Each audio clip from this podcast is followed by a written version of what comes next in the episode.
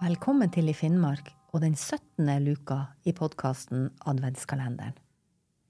Hver morgen fremover mot jul åpner vi en ny luka i en kalender full av sagn og mystikk fra Nord-Norge. Historiene er samla inn og skrevet ned av Roald Larsen. Fortellingene er henta fra hans siste bok, Isgåten og andre oppsiktsvekkende fortellinger. Og jeg, Helle Østvik, leser direkte fra boka.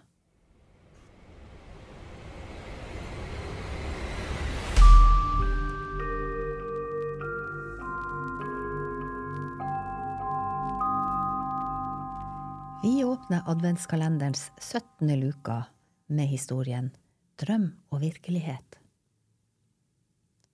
Tidlig på 80-tallet bodde jeg i Golnes, en mils vei øst for Vadsø. I 1982, mens jeg enda var der, tok jeg sertifikat. Og ikke lenge etter kjøpte jeg meg en gul Datsun 180 B. Denne biltypen, som var ganske stor, var veldig populær den gang, og ofte å se på veien. Året etter hadde jeg en drøm om at jeg satt i en bil og kjørte. Og det kom sikkert av at jeg i denne perioden var blitt veldig opptatt av dette fremkomstmiddelet. Og jeg drømte at jeg var ute og kjørte en tur. Og mens jeg holdt på å kjøre i drømmen, kom jeg over en bakke og fikk plutselig øye på flere holmer og skjær ute i havet. Et stykke fremover, inni ei bukt, var det ei bygd. Jeg ble nokså forfær over det jeg fikk se, og tenkte hva i all verden det her var for et landskapsområde. Men det var så stille og fredelig her, og jeg minnes enda at jeg i drømmen trivdes så godt. Så ble jeg plutselig var på en stemme som sa til meg, Her ute skal du finne din nye mann. Jeg husker at jeg i drømmen liksom protesterte, og til slutt utbrøt jeg jeg kan vel ikke finne han her.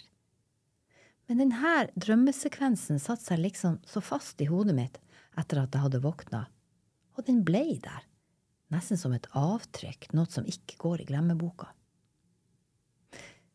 Sjøl om jeg kom til å huske drømmen, tenkte jeg ikke så mye over den. Jeg levde nå mitt liv der i Golnes. Men så en dag noen år seinere møtte jeg en mann som het Svein Egil, og som kjørte buss.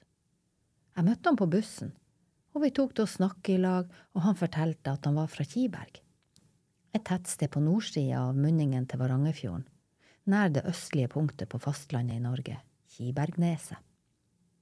Etter hvert ble, så ble vi bedre kjent, og vi ble enige om at jeg skulle komme og besøke han der han bodde.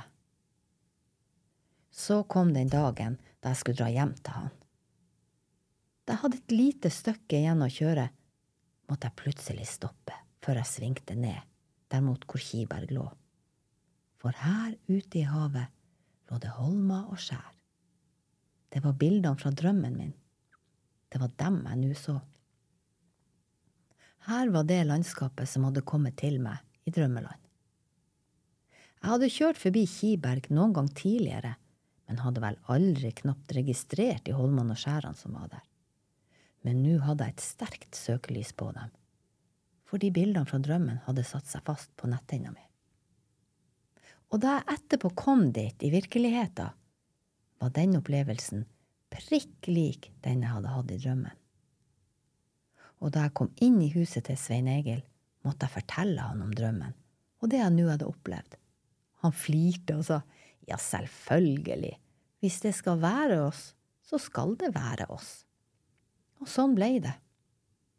Men jeg tenkte seinere på at det var nå nokså rart at jeg hadde fått denne forvarselet noen år tidligere i drømmen.